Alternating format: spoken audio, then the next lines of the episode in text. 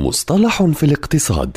في كل حلقة يطرح المدون وصانع المحتوى الاقتصادي مجدي النوري مصطلحا اقتصاديا محددا بلغة سهلة وبسيطة.